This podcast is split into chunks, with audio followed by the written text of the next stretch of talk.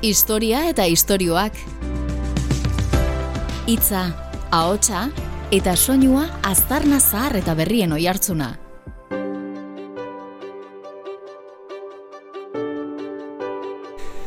Zinea, emeretzigarren mendean sortu eta hogeigarrenean garatu zen artea da. Belaunaldi askoren aixialdia bete du eta kultura mota baten adirazle nagusia izan da. Zinea zitzein behar dugu Koldo Almandoz zine zuzendariarekin eta lehen galdera da zer da zinea? e, jarduera edo disiplina ezberdinak batzen dituen e, artea, da ez? Azkenean zinean e, idazketa beharrezkoa delako, irudia beharrezkoa delako, e, musika egoten delako, soinua. Gizakiaren jardueraren, izaeraren eta ametsen adirazle da zinea, baina negozio ere bada. Ekonomiak garrantzi handia duelako, baina koldorentzat hori erronka erakargarria da. Ba, jarduera honak honek duen tentsioetako bat, neri adibidez, ba, bueno, interesgarria iruditzen zaidana, ez? Beti erronka bat suposatzen duelako, noraino, bueno, menpeko tu behar dezun zure burua, ba, horretara, ez? Ta hor, e, zer esan asko du adibidez, zinema edo pelikulak egiten ditugunean, ba, ekoizlearekin daukazun harremana, eta ekoizleak zer eskatzen duen, telesail bat egiten duzunean, ba, telebistakateak zer eskatzen duen, ez? Eta, Eta bueno, nik esan barut horretan, ba, sorte askotxo izan dudala, ba, egin dudan, lan egin dudan jendearekin, baina izan daiteke, bueno, ba, oso, oso gauza gogorra. Oso gauza gogorra. Zineaen historia, pelikulak egiteko modua, zailtasunak eta emaitzak, zazpigarren artearen mundua aztergai, koldo almandoz, zuzendariarekin batera. Historia eta istorioak Juan Josan Miguelekin. Historia, nazioartea eta giza iragana ahots hautatuen eskutik. Elkarrizketen bidez, gizakiok gaur egunera ekarri gaituzten bideak jorratuz.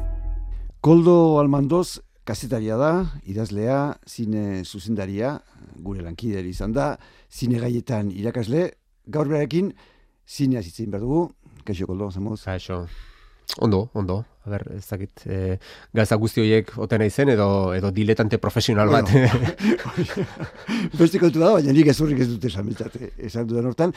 Zinea zitzein behar dugula diot, e, zineari, o, zinemari zazpigarren eh, artea ditu izan zaio, baina iz gutxitan, esan beharko bat zenu, adirazi beharko zenu, zer dela esango zenuke, zinea zer da? Ez dakit, e, zaila definitzen, eta ziurrenik e, pertsona ezberdinei, ba, edo pertsona ezberdinek, ba, modu ezberdin batean bizi dute zinema, ez? Baina niretzako pixkat barrutik, edo barrutik e, ikusita, ziurrenik e, jarduera edo disiplina ezberdinak batzen dituen e, artea, da, ez? Azkenean, zinean e, idazketa beharrezkoa delako, irudia beharrezkoa delako, e, musika, ez dakit beharrezkoa, baina musika ere egoten delako, soinua, nik uste hori hori da, ba, jarduera edo disiplina ezberdinak ba, ba, bere ganatu eta batzen dituen artea da. E, gizakia, ben baino jagotan e, saiatu da egin du, e, zeit, irudia mugimenduan jarri, argi bidez, dabar, baina horren dela mende tapiku, lehen biziko irudiak, e, lehen biziko aldiz, kalean ikusten zutena, edo kanpoan e, ikusi zitekena, pantalla baten, horma baten ikusi zuten, benetako xoka izango zen, ez da? Horako lehen da biziko ura. Bai, bai, hori gainera aipatzen dute ez, horre Frantzi inguruan, Paris inguruan egin zituzten Lyonen eta egin zituzten lehen emanaldi horietan, ba, jendea izutu egiten zela ez, bat ez ere, ba, bueno, ba, trena etortzen ikuste mhm. zutenean, eta horrelakoak, nik ez dakit ze punturaino den egia, ze punturaino den ere, ba, leyenda ez, horrelakoekin edo sortzen diren mitoak, baina, bai, bai, e, izango zen batez ere, e, nik uste gertakizun baten erregistroa, ez, argazki bat e, mugimenduan ikusteak ba, sortu dezaken zirarra hori, ez. Neri bestera e, dozein e, aurrerapen teknologikokin ere gertatzen zait. E, nik, as, nik, bueno, ba, ja adin bat ba, badugulako eta oroitzen dut, bat duela hogei, hogeita gutxi urte nola argazki bat e, internet bitartez bitaltzea ordu beteko kontu bat zan, ez? Ta oso nik adibidez hori kazetaria naizela esan duzu nik ikasi nuenean nik e, idazteko makina portatil batekin egin nuen karrera osoa eta gaur egun ez dakit ez da irekitzen jakiko nuken ere ez telefono batek, telefono batek eskintzen dituen aukerak, niri oraindiken inkreibleak eruditzen zaizkit. Bueno, igual gu bagera belaunaldi bat aldaketa hoietara errezago edo moldatzen garenak, baina, baina bai, ba, garai hartan zinema ez da aztu behar ere zirku, zirku emankizuna zela. Mm. Eh, ez zela alako ez zitzaiola bat ere, zela bat intelektualizatu eta, bueno, ba, ikuskizun, ikuskizun edo bai, bizarrokeri gisa aurkezten zela. No, Pensa daiteke eh, asko entzako magia edo antzeko zerbait eh, izango zela, ez da. Izan dugu eh, zinea artea, la zazpidaren artea, eta, bueno, eh, ez egit, bilbide luze bat eta izan du, baina ziurazki hasiera hartan badaude bi, bi mugarri edo eh, beti ipatzen dienak, bata da Lumierra nahien e, lanteiko irtera, eta beste bat e, ilargira bidaia. Zerati da importantea bi pelikula hauek? Bai, e, Lumiera nahiena, e, bori, Liongo fabrikatik, e, beren gurasoen Liongo fabrikatik, e, ba, bueno, langileak ateratzen ikustarena, bon, niretzako simbolikoki ere langileak ikusi izana garrantzitsua da, ez? Gerora ere, ba, bueno, pixka bat zinegintza, edo niretzako behintzat zinegintza e, lantaldea eta langileen e, e, bueno, industria bat eta jarduera bat dela azpimarratzea garrantzitsua da, ez? E, bestela beti bizi gara nolabait talentuaren, bohemiaren e, mundu honetan, Baina, bueno, baina e, batez ere ura izan zen, izan zelako nolabait erregistro dokumental bat, ez? E, ura benetan gertatu zen, langiloiek benetakoak dira, eta fabrikatik e, ateratzen grabatu zituen, eta gero, e, ilargira bidaia, meliek egindako ilargira bidaia, hori izan zen lehen da biziko aldia, erregistro utxetik pasa eta fikzioa sortu zena. Hau da, mm -hmm. nolabait historioak eh, teatrilo bat egin eta narrazio, e, fikziozko narrazio bat filmatu eta ura, e, bueno, ba, pantailaratu zena, ez? Orduan, hau ez dakit oso akademikoa den, baina bai, bi, bi alorroiek bere izten ditu. Batetik dokumentala, lumierrena, eta bestetik e, fikzioa, ba, meliek egiten zuena. Mm e, zinea zalantzai gabe hogei garren mendeko arte bada, hogei garren mendean, bueno, emeletzi garren mendean sortu zen, baina garatu bat ez ere hogei garren mendean e, egin zen, lehen bizi e, irudia bakar izan, geho soinua sartu zen, geho kolorea sartu zen, zait, hogei garren mendea hartuta, ze mugarri edo, ze aldaketa edo, ze, ze azpimarratuko zenuke bide hortan. Bai, bueno, asko dira, ez nik uste zineak jakin izan duena da, moldatzen garai bakoitzak eskaini dizkion e, aurrerapenei, ez? Ta zine hasi balin bazen, ba argazkia mugimenduan soilik izaten, gerora e, soinua azaldu zenean, ba soinua bere ganatu zuen ta soinua sartu zion e, ba, bueno, ba, bere, bere izateko moduari, eta hori oso garrantzitsu izan zen, koloraren azalpena, eta koloraren azalparen aurretik ere pelikula ortokromatikoak, ez? Hau, su historio bitxia da, ze e, pelikulak zuribeltzean egiten ziran, baina, e, bueno, fabrikatzaile bakoitzak, bazuen bere pelikularen eskubideak eta e, urratuak izan ez zitezen, eta jakin, oza, ikusleak jakin zezan, noren pelikula zen tintatu egiten zituzten. Orduan, ba, ikusten ziren pelikulak berde tinte batekin, edo urdin tinte batekin, jabetu ziren arte egileak tintoiek erabili zitzaketela e, kodigo gisa edo, eta orduan, adibidez, ba, gaua irudikatu nezutenean urdin ez tintatzen zuten, eguna irudikatu nezutenean horiz, eta egun sentia edo arratsa ba, naranja kolore batekin, ez? Taura ere, ba, bueno, ba, aurkikuntza handia izan zen. Eta gero, bueno, ba, asko daude, ez? Nola gutxinaka zirko jarduera bat zena edo truko edo magia bat zena nola bihurtu zen entretenimendu industria, ez? Eta eta ziurrenik, ba, hogei garren mendeko entretenimendu eta isialdi industriarik e, garrantzitsuena, nik uste garrantzitsuena herrikoiena izan delako, ez? E, guk ezagutu dugulako, ba, gure haurtzaro gaztarora arte esango nuke, zinema, ba hori, ba, ba, e, aizialdi e, modu nagusi gisa. Gero azken urtetan, ba, desagertu dena, baina hogei garren e, mendean ba, bueno, izan du, ez? Mundu mailan gainera, e, kultura ezberdinetan, erlijio ezberdinetan, lortu du, ba, hori, ba, izatea, e, bueno, askotan definitu den moduan, ez? Ametxen fabrika, ez? Jendeak zinearetoetara juten zen, ba, pixka eta ametxe egiteko. Lehen esan duzu, e, Lumierren lehen pelikula izan zala, bueno, gertatzen ari zen zerbait, e, irudi batzu jarrotzea, ilagira bideak ja argumentu bat eta baduela beste e, gaur egun eta hogei garren mendean garatuz joan dira e, mota asko dago, zine mota asko dago, zeintzu dira aipagarrienak, zeintzuk bereiztuko zen dituzke? Bai, asko dago, e, nik uste, bueno, literaturan eta beste arte jarduetan gertatu den moduan, ba, pinturan ere gertatu izan den moduan, ez?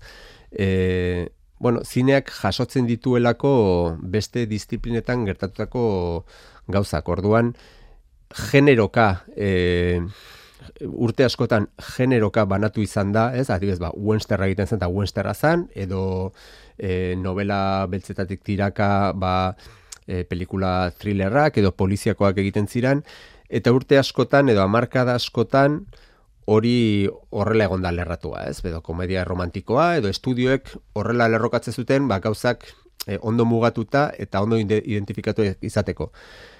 Nik uste, irurogei, irurogita margarren e, urtetatik aurrera, muga hoiek lausatzen, lausotzen jundira, eta hainbat zuzendarik, hainbat, hainbat ekoizle ba, independenteagoak batetik bestera pasatu izan dira, ez? Eta hor, zakineri asko gustatzen zaidan e, genero bat, e, adibidez, ba, e, Wenster krepuskulararen kontu guzti hori, ez? Ba, San Pekinpa eta guzti hauek nola Wensterra hartu, baina bapatean Wensterra erabilita beste kauz batzu eta hitz egiteko gaitasuna duten, ez? Hori beti gertatu da, beti egon dira aitzindariak, ba, berrogei garren amarkadan, edo berrogei tamargarren amarkadan egin dutenak, baina nik uste irurogei garren amarkadan amaieran, irurogei tamargarren amarkadan hasi zela mugari hausten, eta bueno, e, hautsita, hautsita, iritsi gea, ba, gaur eguneraino, ba, iaia hori, pelikula bakoitza bere burua saltzen du genero baten moduan, ez? Hau da, komedia gehi, thriller gehi ez dakizer, Eta gero beste disentzazioa ere ikuste ditugun pelikula guztiak pelikula berdina direla, ez? Hona zira batea esan gentzake, bere izketa hori egin zala, baina purka-purka dira joan dira bizkate gauza mm. berdinera. Historia eta istorioak. Itza, ahotsa eta soinua aztarna zahar eta berrien oi hartzuna. Zu zine zuzendaria zara, e, nola egiten da pelikula bat? Hau da, zuk idea bat buruan duzunetik, e, ja, gauzatuta eta pantailan ikusi arte gutxi gara zein da prozesua? Ba, lendabizikoa idazketa da. Pelikula idatzi, pelikula buruan daukazun hori ba, zirri borratu eta eta idazten hasi eta gidoi bat e, idaztea da e, oikoena. Neri beti gustatzen zait prozesu horrekin batera, ja beste batzuk martxan jartzea, ez? Eta astea ikusten edo astea bilatzen nun filmatuko nukeen, e, loka, lokazioak edo lokalizazio netzat oso garrantzitsuak dira askotan lokalizazio baten deskubrimenduak ere eragina duelako zuri dazketan, ez? Mm-hmm. Orduan, eta askotan gauza bera gertatzea pertsonaiekin edo aktorekin edo orduan gutxi gora bera, e, bueno, ba, engranaje ezberdin hori ba, ajustatzen jutea da beti ere gidoiaren idazketarekin. Eta, bueno, hemendik aurrera, esango nuke labur-labur esateko, aurre produkzio prozesu guztia etorriko litzatekela, hau da, e, lantaldea sortu eta lantalde horretan engo litzateke, ba, norke ingo den argazki zuzendaritza, nortzuk izango diran zuzendaritza taldekoak, nortzuk ekoizpen taldekoak, nortzuk dekorazio, e, horrazkera, makillajea, soinua, talde ezberdin guzti horiek e, sortzen jutea, denek gidoiaren irakurketa bat egin, eta denek gutxi gora ideia beraren e, alde lan egitea, eta lan hori alik eta ondoen egitea, gero rodajea e, ondo gauzatzeko. Azkenean rodajea delako gauzarik garestiena, talik eta denbora gutxienean egin behar delako, ez? Mm Behin rodajea eginda edo behin pelikula filmatuta, gero postprodukzio fasera pasako litzateke, eta horretan badator, ba, muntaia, e, soinua, musika balin badagoaren musika jartzea, guzti hau izango litzateke finantzazioa lortu baduzu. Bueno, bueno. Eta hortaz ere bai. E, aipatituzu hainbat talde pelikula bat egiteko zeintzu dira ezinbestekoak. Oinarri oinarrezkoak eta hoiei gabe egin ezin daitekenak. Bueno, e, pelikula, hori, pelikula industrial batetaz e, hitz egiten badugu, ez? E, ez, bueno, pelikula alternatibo edo edo experimentalak alde batera utzita, ba, ongo litzateke, bueno, ba, ekoizle eta zuzendari ez gain, lantalde nagusiak dira ba, argazkilaritza taldea, e, soinu taldea, Eta gerora hauekin batera eta elkarrekin lan egin behar duten, ba, arte edo dekorazioa edo gauzatzen dutenak, e, jantz, jantziak, makillajea eta pelukeriare lantzen dutenak, eta nik uste hauekin e, moldatu zintezkela pelikula bat egiteko. Gaur egun geroz eta garrantzitsuagoa da efektuen kontua. Ez? Geroz eta e, behar gehiago daukagulako, e, efektu, bueno, daukagulako, edo uste dugu daukagula, ba, efektuak, e, efektu departamentu hori e, erabiltzeko. Orduan, e, lehen hori gerorak uste zen, gaur egun ja aurretik ere, ba, hori landu, landu barri izaten da. Baina nik uste hoiekin, uste testu dela inoruzten, ba, gutxi gora departamentu hoiekin aurrera doala. Mm. Ekonomia ipatu zu, eta, bueno, e, zinea artea da, da, ez da, irudimenaren adirazpen bat, eta bar, baina ekonomia importantea da. Zenbateraino baldintzatzen du ekonomiak e, pelikula bat, zu baldintzatu zaitu inoiz? Bai, bai, beti.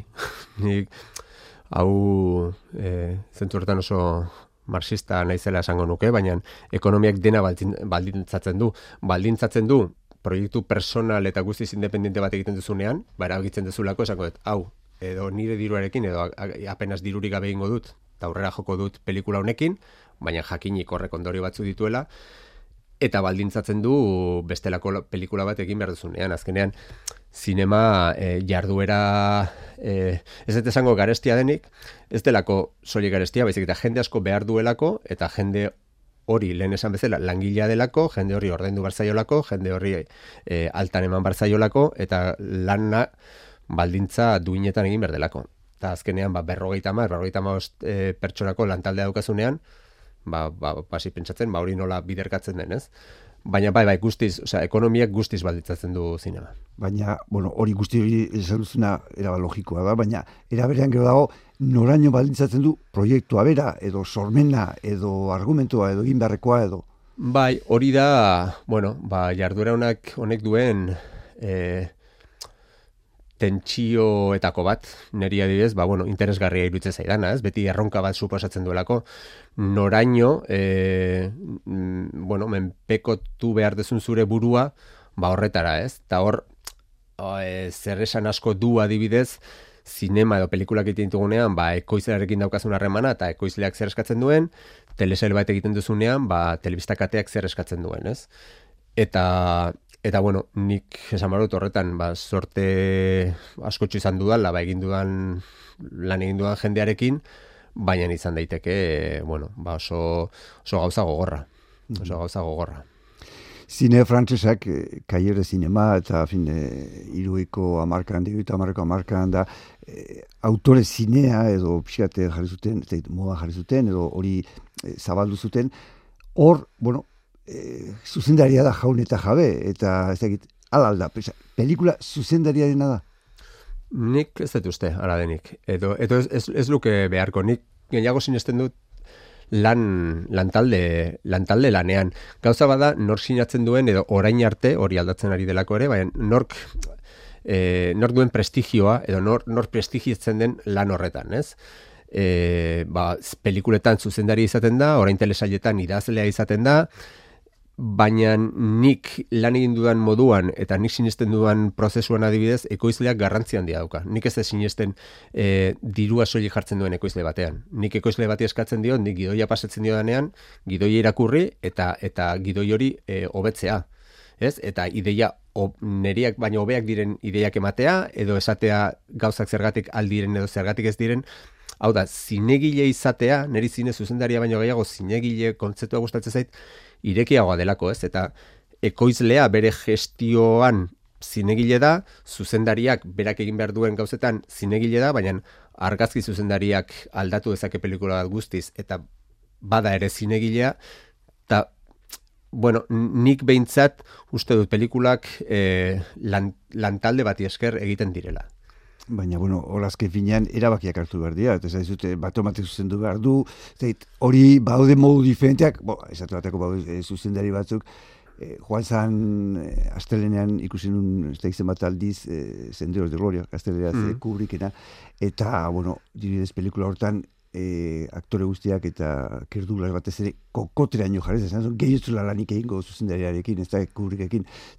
Hor badaude, Este, no, desateko, talderan ondo dago, baina azkenean erabaki asko hartu behar dira, e, nor, este, bai, bai, baina persona... taldelanak ez du esan nahi jerarkia bat ez dagoenik. Ez? Baina nik adibidez ez dakit e, zine kamera bat erabiltzen. Orduan, nik hartu itzaken edituan erabaki guztiak, norbaitek ez bat du kamera hori martxan jartzen, eta ez badu kamera horrekin e, ba hori, ba, ba, behar bezalako mugimendurik egiten, elegoke filmerik. Zan nahi dudana da, e, taldelana dela askotan e, norberak ideia bat duelako, baina hitz egiten du argazte zuzendarekin, eta argazte zuzendariak askotan zurea baino bea den ideia bat du. Mhm. Gero, zuk sinatzen duzu, bai. baina, baina askotan zure ingurukoen lanak zurea ere hobetzen du, ez? Eta eta ez eta esaten e, eh, alako humiltasun falsu batengatik edo, ez? azkenean e, zine zuzendariak daukana da ardura, azkenean ardura bere gain erortzen delako eta eta askotan setean edo rodajean azken erabakia. Baina nik ezagutu ditut e, pelikulan mordoak zuzendari laguntzaile eta argazki zuzendarien artean e, eginak izan direnak, eta zuzendariari kaso putarik egin etzaiona. Eta, e, bueno, setetik kanpo ikusten dena eta set barruan gertatzen dena ere oso ezberdin izaten da. Eta, bueno, eta askotan ekoizle askok ere, e, bueno, ba, zuzendari bat hartu, eta funtzionez duen, ba, kaleratu ere egiten dute orduan. Bueno, katean, jerarkia bat badago, baina urteetan e, egon den alako, ez dakit, ez, e, jainko, jainkotze hau ere, ba, bueno, nik uste apur bat e, gezurreta, gezurrezkoa dela, bai. Hori zaman, ez kanpotik ala dirudi, oza, oso personalista da, oso e, bai aktore ba, izarra direnak, edo zuzendariak edo, ez da, e, oso asko markatzen dutela, ez da, bai, dut, noski pelikula eta baita egin behar den lan. Bai, gero hor mailak ere badaude, ba, ez dakit suposatzen, ba, kubrik bat bere garaian, edo Spielberg batek gaur bere, bere garaian, ba, bai, gertatzen da, gero Spielbergek bere ala, Spielbergen kasuan ikusten da, bada ekoizle, bada idazle, bada zuzendari, e, Tom Cruisek pelikula bat egiten duenean berak agintzen du, nahiz beste norbaitek zuzendu, argi eta garbi berak e, bai, orduan, eta berriro bagatoz diruaren asuntora. Hor, e, dirua jartzen duenak, edo dirua egiten duenak, edo, edo dirua e, bideratuko duenak dauka azkenean e, agintea, ez? Nik, e, bueno, neri beti gustatu izan zait hori, e, zentzu horretan, eta ez da e, zine listoentzako ez da, e, ez dakit, autoretzaren kontu guzti hau oso garrantzitsua da, baina neri estudioetan, edo estudioen garaietan, eta gauza txarrasko zituzten estudioak, baina nolabait hori, berriro e, diot, langile izatearen, ez, e, nolabait lan baten artisau izatearen ideia hori gustatzen zait. Mm -hmm. Ta, ta ez hainbeste, ba, bueno, ba, Nubel Bagek eta ekarri zuen autoretza, kontzeptua, ideia, bueno, bai, bai, bueno, baina niri gertatu zaigu, guzti gertatu zaigu, ideiak baditugu, baina batzutan asmatzen dugu, eta beste batzutan, ez? Eta igual norbaitek esan behar dizu, ba, ez dezura asmatu, ez? Izdarreza.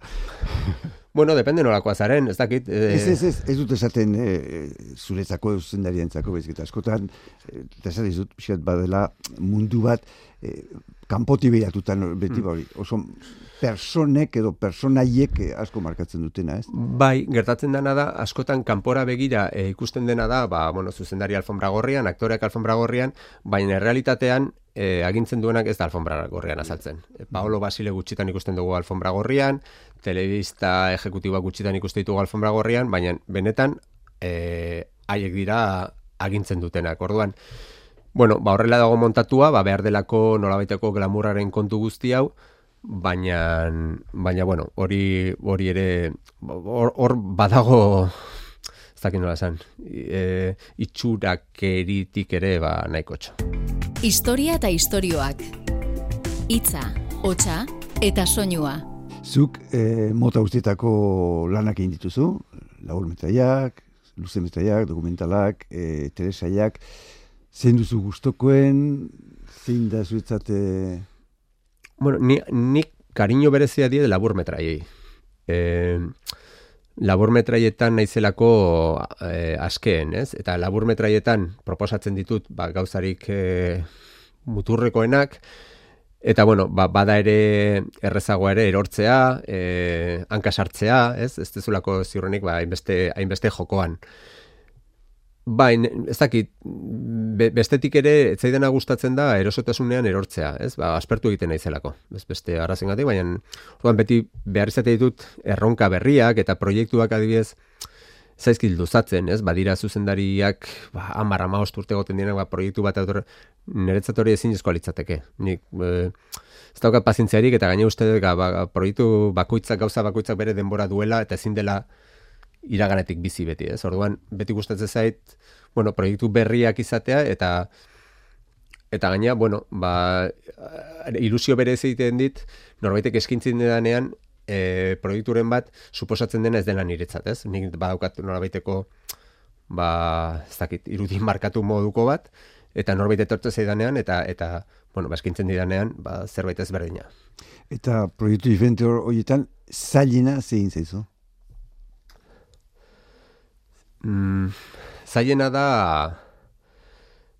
netzako, bueno, bat dirurik gabe lan egitea eta eta baldintza kaskarretan lan egitea. Ez, e, neri tokatu zait, adibidez, nik telesailak egin ditut azken aldian, eta tokatu zait e, oso baldintza honetan e, egitea, eta orduan, bueno, ba, gutxi gara dena oso erraza da, eta tokatu zait, ba, baldintza txarxamarretan egitea, eta orduan, ba, biendan bihurtzen da dena, ez? Mm Irakaspenak ere ateratzen dira, ez? Hoietatik.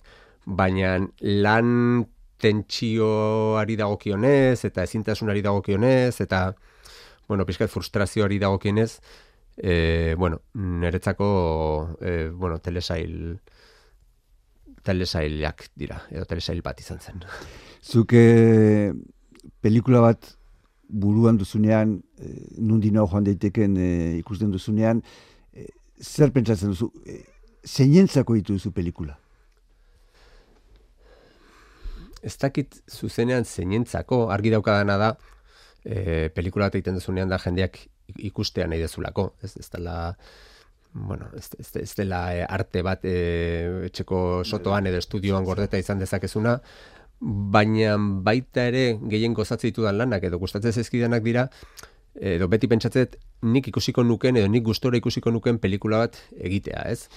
Askotan ez ez igual guztiz lortzen, baina bai sekuentzia batzuk edo zerbait, ez? Zerbait sartzea niri ikusle bezala gustatuko litzaidakena, ez? Eta nik beste e, egile batzuek e, bueno, ba, miresten ditudanean, ba, bueno, ba, izaten da, ba, ba, gauza edo kon, konkretu batzungatik, edo, edo egiteko modu batzungatik, eta orduan saiatzen naizena da hori.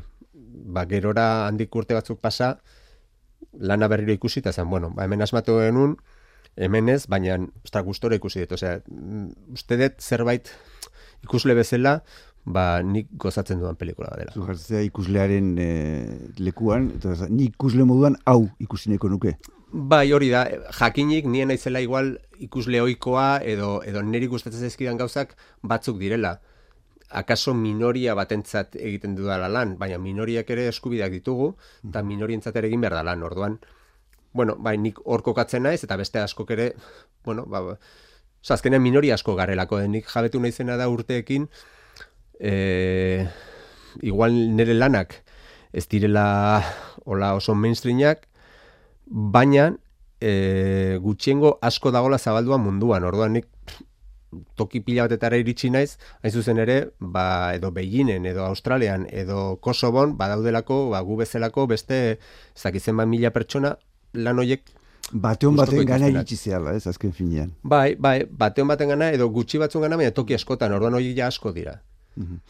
Esan dugu zinea, e, garren mendeko e, jarduera, artea, e, nahizuna, hogeta bat garren mendean sartu gara, eta gauza asko aldatu dira. Bai, e, egiteko unean, bat telesailak esate bateako, bat aldatu dute denbora eta zatiketa, eta baita ere teknologiak ikaragarri aldatu dena.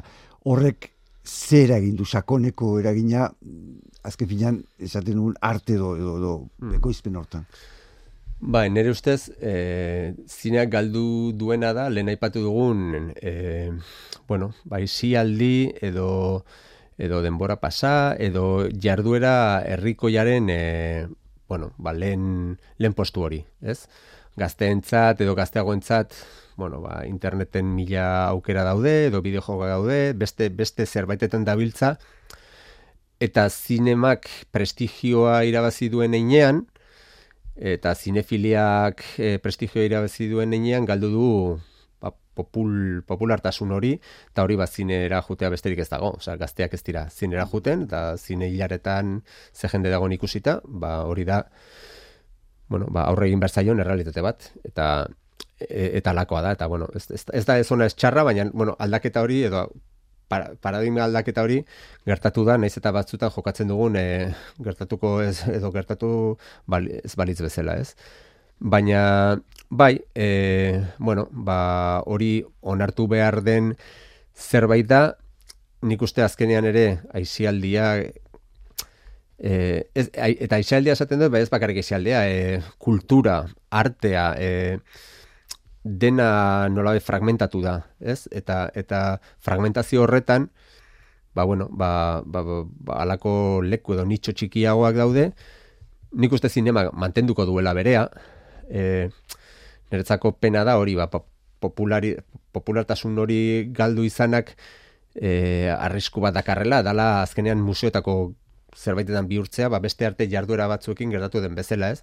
Orduan listoentzako bakarrik e, izango dela eta bueno, ba, ba guztiz beltzez jantzita eta hola e, bueno, ba, jende irentzen hasiko naiz eta ez da komeni. Baina baina esan duzun hortan, eh claro, batez teknologiak eta ekarri ditu ba, egiteko beste modu batzuk. Gaztea dikoa sortara zineak ze alegin beharko luke? Gazteek erakarri edo gazteekin gana joan? Hau da e, hortara egokituta moldatu edo bere egite jarraitu behar du nik ez dakit zineak ja gaitasuna duenik e, gazte hoien gana joteko. Esan ez delako bakarrik zine aldatu, gizarte aldatu da, ez? Eta, eta denek dara magu telefono bat e, poltsikoan, eta horrek ja dena, dena aldatzen du, eta eta kultura kontsumitzeko modu ere guztiz aldatu da, ja, nor dago prest bi ordu, bi ordu, ordu terdi, hiru ordu zinema pantalla batetan baten aurrean esirita goteko zineak esaten duen orduan, zineak esaten duen egunean. Eta hori ez da horre, horretar itzuliko, hori areagotu egingo da, ez? Orduan, niretzako bet izango pixkat ikusi bada egunkariekin gertatuko den gauza bera.